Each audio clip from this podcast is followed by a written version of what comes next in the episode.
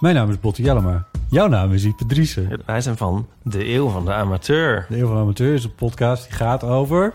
Alles. Het is een eh, podcast over levenskwesties die je niet kunt googlen. Een soort licht neurotische blik op het leven. Het is een podcast met humor.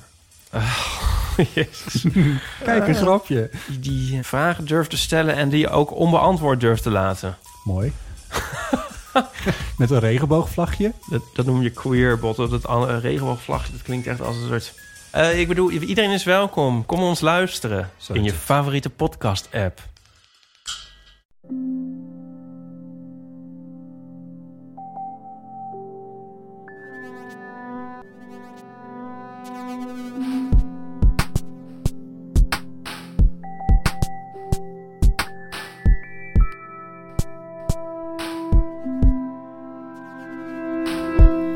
Is Relaas. Daarin vertelt iemand een verhaal over iets dat hij zelf heeft meegemaakt. We gaan luisteren naar Janne, of zeg maar Janneke. Dat speelt een belangrijke rol in het verhaal. Janneke gaat voor haar verhaal terug naar haar tienerjaren, naar een moment waarop ze samen met haar mama beslist om aan een tafel te gaan zitten om eindelijk eens de waarheid te horen. De waarheid over iets dat ze eh, als klein kindje heeft meegemaakt, iets gruwelijks, maar dat ze vandaag nog altijd niet kan begrijpen of verwerkt heeft.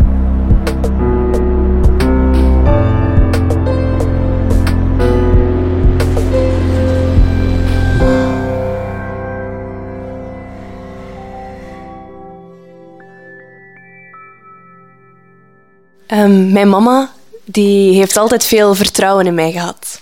Ehm, nu, maar ook vroeger, toen ik heel jong was, eh, dan maakte zij zich niet vaak zorgen over mij.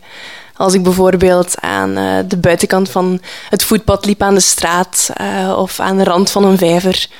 En als andere ouders dan zouden zeggen, pas op, Janne loopt daar aan het water.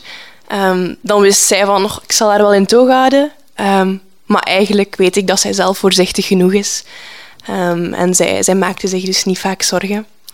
En die eigenschap die is mij ooit eens heel goed van pas gekomen.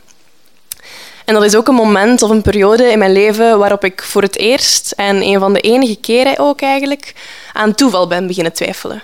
Zo de vraag van eh, al die puzzelstukjes die zo mooi in elkaar vallen op dit moment, dat, dat kan toch geen toeval zijn? Ehm, een aantal jaar geleden eh, zijn mijn ouders lid geweest van eh, een groep, de leiding en de uitleiding van de Giro uit Wichelen. Eh, dat was een hele grote groep, een hele toffe bende die graag zich amuseerde. Die organiseerde dingen van eetfestijnen tot ehm, ja, avonden waarop mensen dingen konden zingen of feestjes. En wij gingen met die groep ook elk jaar op weekend. Ehm, en ja, dat weekend was dan ergens in Vlaanderen of de Ardennen. Eh, de ouders gingen mee, de jonge leiding, de kinderen van de ouders. Eh, en we waren eigenlijk wel een hechte bende. En wij keken er elk jaar naar uit om op dat weekend te gaan. Ehm, zo had je ja, de typische meisjesgroep eh, die dan in de joepie las en samen giechelde over dingen die daarin stonden. Eh, de jongens die ook heel klassiek buiten gingen shotten op een voetbal en gingen ravotten. Eh, er waren toen vroeger ook altijd een hoop kleine kinderen mee, die intussen al niet meer zo klein zijn. Ehm, ik denk bijvoorbeeld aan Amandine of Luna. Ehm, en op een jaar, op een bepaald moment, hebben ze besloten om eens naar het buitenland te trekken met dat weekend. Het was dan ook al ja, een iets langere periode, want als je naar het buitenland gaat, is het natuurlijk fijn eh, om, een- om een langere tijd daar te kunnen zijn. En de groep besloot om naar Spanje te gaan. Ehm, de stad, het kleine stadje eigenlijk, heette Cáceres. En dat is een naam die ik, eh, die ik nooit ga vergeten. Eh, ligt in het westen van Spanje, dicht bij de Portugese grens. En ehm, ja, ik heb daar nog heel veel goede herinneringen van. En, en heel veel eh, echte herinneringen die ik nog goed vers in mijn hoofd heb. Ehm, wij hadden een huisje gehuurd waar dat iedereen kon eh, in slapen en verblijven. Was een, een privédomein. Ehm, ik herinner mij nog de hele grote, eh, warme, lichtgekleurde stenen waaruit het dat opgebouwd was. Ehm, de zinderende hitte die je ook echt in Spanje hebt. Zo die geur van, van dor gras en dan beestjes die onder het hout en onder de stenen snel wegkruipen als je er langs loopt. We hadden dus een huis voor ons. Naast het huis was er een terras waar we konden zitten, eten, drinken. Eh, en nog daarnaast, een beetje een terrasvorm, eh, was er een zwembad. We hadden een privézwembad. Super. Ehm, daar hebben we ook heel veel tijd gespendeerd. Ehm, ja, elke luie dag. Want we deden eigenlijk niet zoveel activiteiten als dat we op de andere weekends deden. Want ja, je bent op, echt op vakantie. Ehm, dan lagen we aan het zwembad. Ik herinner mij ook zo bijvoorbeeld dat wij elke ochtend uh, met de kinderen naar de troetelbeertjes keken. Dat was een uh, kinderprogramma over beertjes die elk hun eigen kleur hadden, met elk hun eigen talent ook. Um, en dan aten wij daarbij melkbroodjes met chocoladestukjes in. En dat waren eigenlijk twee dingen die wij thuis nooit echt mochten. Vandaar dat ik het mij zo goed herinner. Um, de broodjes aten we enkel als we op reis gingen en voor de middag televisie kijken mocht nooit. Uh, dus dat was een echt vakantiegevoel. Nu, op een avond, de avond van mijn verhaal, uh, besloot de groep om uh, te barbecuen. Heel gezellig, uh, ook weer heel klassiek. De mannen aan de barbecue in charge van het vlees en de vrouwen sneden de groentjes. Um, het was een heel gezellige avond. het was nog lang warm ook buiten, nog lang klaar ook. zoals je het op vakantie wel eens hebt. En op het einde van de barbecue, uh, iedereen was voldaan, de kinderen waren gaan spelen. Het was een privédomein, dus niemand hoefde zich te veel zorgen te maken. En de mannen en de vrouwen zaten nog met een pint voor hun neus aan tafel na te praten. Um, en ik, uh, volwassen Janne als ik ben, ik was toen ongeveer zeven jaar, denk ik, um, zat nog mee met de volwassenen aan tafel. ik vermoed dat mijn eten nog moest verteren of zo, want ik kon helemaal niet meepraten met de gesprekken daar. Um, en even volwassen als ik was, zei ik op een bepaald moment: Mama, ik ga een wandeling maken. Um, ik had daar zin in, helemaal niet ver. Ik wou gewoon een toertje rond het huis doen. En ja, ze liet mij gaan, zoals ik al eerder zei. Ze had vertrouwen in mij.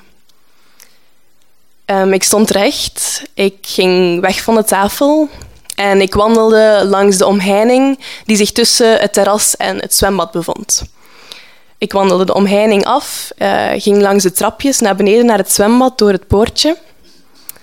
En ik deed een wandeling rond de rand van het zwembad. Het was een groot rechthoekig zwembad. En ik merkte op dat er in de hoek van het zwembad allemaal uh, opblaasspullen bij elkaar dreven. Een zwemband, waterpistolen, een grote opblaasbare rode zetel. Um, en die waren zo in het hoekje waar de afvoer van het zwembad was gedreven. En die waren heel zachtjes tegen de rand aan het tikken tegen elkaar. De stemmen waren ondertussen al verder achter mij en ik merkte op dat er tussen die spullen ook nog iets anders lag. Um, ik merkte het uh, lichaam van een kindje op. Gezicht naar beneden, rug naar omhoog. De armpjes en de beentjes waren wijd verspreid. Um, en het lichaampje bewoog niet. Ik herkende ook meteen dat het Luna was. Luna was toen drie jaar, denk ik. Um, en ik was zeven. Um, ik besefte dat er iets niet klopte, dat het niet oké was, dat het erg was. Maar ik had ook nog niet de volwassen reflex om echt al in paniek te slaan of meteen te roepen. Uh, dus ik wist heel goed, dit is niet oké. Um, ik moet hier iets aan doen. En ik ben toen onmiddellijk naar de volwassenen gewandeld, terug. Langs het trapje, langs de omheining, naar de tafel waar iedereen nog zat. Ik ben toen uh, rechtstreeks naar de mama van Luna gewandeld. En ik heb gezegd, um, Marijke, ik denk dat Luna in het water ligt. Op dat moment ontketent er ongelooflijk veel chaos. De volwassenen begrijpen allemaal meteen wat het betekent en wat er moet gebeuren. Ze springen allemaal recht. Uh, de mama ongelooflijk veel paniek, de rest ook. Um, en op dat moment kon ik eigenlijk die paniek en, en die chaos niet goed aan. Ik wist niet hoe ik erop moest reageren. Ik was ook bang. Ik wist niet wat er ging gebeuren. En ik ben naar boven gevlucht, naar onze kamer. Um, was op de eerste verdieping. Had een balkon dat uitkeek op het zwembad. Dus ik ben nog tussen de gordijntjes een klein beetje proberen te kijken uh, wat er zou gebeuren, hoe het zou aflopen. En ik zag dat er drie mensen al aan het zwembad zaten op hun knieën. Ik, ik kon niet goed zien wat er gebeurde en ik, en ik, was zo bang dat ik gewoon onder het laken ben gekropen. Ik ben in mijn bed gaan liggen. Ik heb alles rond mij proberen afsluiten, want ik was te bang om te weten wat er zou gebeuren. Ik heb mijn ogen dicht gedaan en ik ben in slaap gevallen. Nu, de volgende ochtend werd er over die avond eigenlijk niet veel gepraat. Alle spullen van de barbecue lagen daar nog. En zeker met de kinderen werd daar niet, niet over gecommuniceerd. Dat was niet de bedoeling. En um, jaren later heb ik altijd willen vragen aan mijn mama, want zij was er ook van heel dichtbij, wat er nu precies op die avond gebeurd was. Hoe die verlopen was, hoe zij die ervaren had. Ik, ik wou de details weten. Maar elke keer als ik het er met haar probeerde over te hebben, dan merkte ik ook dat zij een krop in haar keel kreeg, dat zij uh, tranen in haar ogen kreeg. En ik wou haar dat ook niet aandoen om dat terug te herbeleven. Dus ik heb dat onderwerp ook een beetje gemeden. Ik denk dat ik 12 of 13 was toen ik zei van mama, nu wil ik het weten. Nu wil ik echt dat je het mij vertelt. Het is nu al zoveel jaar geleden. Ik zou graag hebben dat je mij vertelt hoe die avond verder verlopen is. Um, en zij heeft gezegd, oké, ik, zal het u vertellen. We zaten toen in de keuken, denk ik, aan een klein tafeltje. En ik weet dat ik heel aandachtig geluisterd heb, omdat ik echt wel weet hoe die avond verlopen was. En zij heeft mij alles verteld. Zij is inderdaad samen met de andere volwassenen uh, opgestaan in paniek. Um, zij was heel gedecideerd, ook naar het zwembad uh, gelopen. Um, Marijke, de mama, heeft zelf Luna uit het water gehaald. Um, maar zij kon dan uit shock en uit paniek niet, niet lang vasthouden, dus zij heeft het aan mijn mama gegeven. En mijn mama heeft het lichaam van Luna vastgehouden. En zij voelde hoe levensloos dat het lichaam was. Zij, zij, er gingen heel veel vragen door haar hoofd heen van... Uh, wat moet er gebeuren? Uh, overleeft ze het? Leeft ze nog? Um, wat, wat, moet er allemaal gedacht worden? Wat moet er gebeuren? Het waren heel veel doemscenario's eigenlijk in haar hoofd. En zij vertelde mij dat zij ook een, een blik uitwisselde met de andere mensen daar. Uh, er waren nog vier, vijf mensen die aan het zwembad mee probeerden te helpen. En de blik die ze uitwisselde, zeiden ook van... Hier kunnen we niks meer doen, het is, het is, het is gedaan. Um, en op dat moment begint Luna te hoesten. Er komt terug leven in haar lichaam. Uh, ze hoest water uit. Um, achteraf heeft mijn mama mij ook verteld dat blijkbaar bij een, een kinderlichaampje, uh, wanneer er verdrinkingsgevaar is, dat hun vitale functies in een soort van pauze gaan, waardoor ze eigenlijk minder water binnenkrijgen als een volwassene zou krijgen. Dus zij heeft ongelooflijk veel geluk gehad dat ik op tijd daar ben gaan wandelen aan het zwembad, um, want zij leefde terug. Mijn mama wist niet um, in hoeverre dat, dat, dat, zij, dat zij zich goed voelde, dat, dat Luna oké was. Had ze er iets aan overgehouden? Was ze oké? Uh, dat waren allemaal vragen. Uh, ze hadden intussen ook al de ambulance gebeld, maar zij hadden uh, laten weten dat het veel sneller zou zijn om er zelf naartoe te rijden, naar het ziekenhuis, net omdat het stadje zo ver afgelegen was. Ze zijn in de auto gestapt, mijn mama en Marijke en Luna. Ze weet niet meer precies wie er aan het stuur zat. Uh, en in de auto is Luna altijd maar wakkerder en wakkerder geworden. Zij is bij bewustzijn gekomen. Um, het, leek bijna alsof ze niets had. Um, haar, haar, oogjes waren open. Ze wist waarschijnlijk wel dat ze in de auto zat, maar niet per se wat er gebeurd was. En mijn mama vertelde toen dat zij nog heel goed wist wat de eerste woorden van Luna waren toen ze terug bij bewustzijn was. En ze zei van, Luna werd wakker in de auto Um, zij keek door het raam van de auto naar buiten en ze wees en ze zei: Kijk, Janneke Maan. En op dat moment, toen mijn mama dat vertelde, vond ik dat zo onwaarschijnlijk dat, dat die twee woorden, die combinatie, net uit haar mond kwamen. Um, dat ik zei: van, ja, dat, dat kan niet, dat, is een, dat is een verhaaltje dat je nu vertelt. Uh, maar het zijn effectief uh, haar woorden Um, en op dat moment heb ik effectief wel aan toeval getwijfeld van is dit wel toeval dat zij nu net die twee woorden die zo goed passen bij deze situatie vertelt. Um, en ik ben mijn mama heel erg dankbaar dat zij op dat moment zoveel vertrouwen in mij heeft gehad. En dat ze dat nu ook nog altijd heeft in mij. En ik hoop dat ik dat vertrouwen in mijzelf ook altijd kan hebben om zo volwassen en zorgeloos te kunnen zijn. Uh, want wie weet komt het mij ooit nog wel eens van pas. Dankjewel.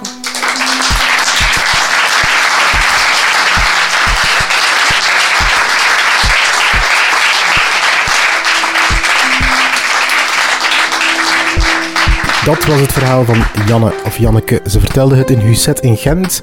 Het was in februari van 2018. Uh, bij het begin van de vertelavond ben ik uh, Janne nog even heel kort tegengekomen en ik heb nog eventjes met haar kunnen praten. Uh, zij zag het volledig zitten om haar verhaal te vertellen. Ze vertelde me dat ze toneel speelt, ze staat heel graag voor een publiek. Dus ze had er alle vertrouwen in dat het verhaal goed ging komen. En kijk, een paar minuten later stond ze voor het podium en vertelde ze dit fantastisch verhaal. Ze vond het natuurlijk ook heerlijk om niet direct te verklappen wat iedereen graag wou horen in de zaal. En ik zat helemaal achteraan en ik voelde het publiek smachten naar dat verlossende antwoord natuurlijk. Relaas is een productie van Na ons de Zondvloed. Wij helpen mensen om hun verhalen te vertellen, omdat we denken dat we elkaar zo op die manier beter kunnen begrijpen. Uh, momenteel werken we trouwens naast Relaas mee met de mensen uh, van Radio Gagaveren. Zij gaan in uh, december nu van dit jaar radio maken voor het goede doel. En ze verzamelen daarin ook echt gebeurde verhalen van inwoners uit Gaveren. En wij helpen hen met die verhalen te coachen. Uh, mocht je zelf ook met zo'n idee zitten, dan mag je ons dat gerust altijd laten weten. Wij helpen gerust een uh, handje mee. Het ongelooflijke team van Relaas bestaat uh, uit meer dan 13 mensen ondertussen. Ik ben de tel kwijtgeraakt.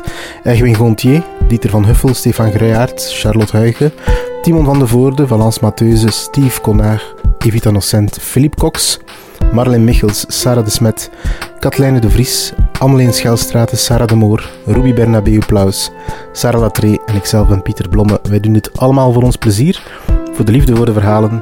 Dus uh, ik vind het belangrijk om iedereen nog eventjes te vermelden daarvoor. Dankjewel. En uh, nu je het verhaal van Jan hebt beluisterd, denk dan eens aan wie je dit verhaal zou kunnen doorsturen. Misschien iemand waarvan je denkt van oei, dat is ook iemand met een onverwerkt trauma of die heeft iets gelijkaardigs meegemaakt in zijn jeugd. Um, waar hij lange tijd aan getwijfeld heeft van hoe dat nu precies zat en wat dat nu precies betekent in zijn leven. Wel, stuur dit verhaal gerust door naar die persoon. Je doet hem of haar er een plezier mee en ons natuurlijk ook, want wij krijgen op die manier een nieuwe luisteraar. En als je zelf met een idee zit voor een verhaal, dan mag je dat ook altijd laten weten via onze Facebook of via onze website. We hebben daar een handig formuliertje geplakt. Als je daar je naam en je contactgegevens ingeeft en ook waar jouw verhaal over gaat, dan nemen wij met jou contact op. En uh, voor je het weet, krijg je een coach toegewezen en zit je met die coach aan tafel, ben je je verhaal aan het maken en sta je, uh, wie weet, in Gent of in Antwerpen voor het podium. Dankjewel om te luisteren.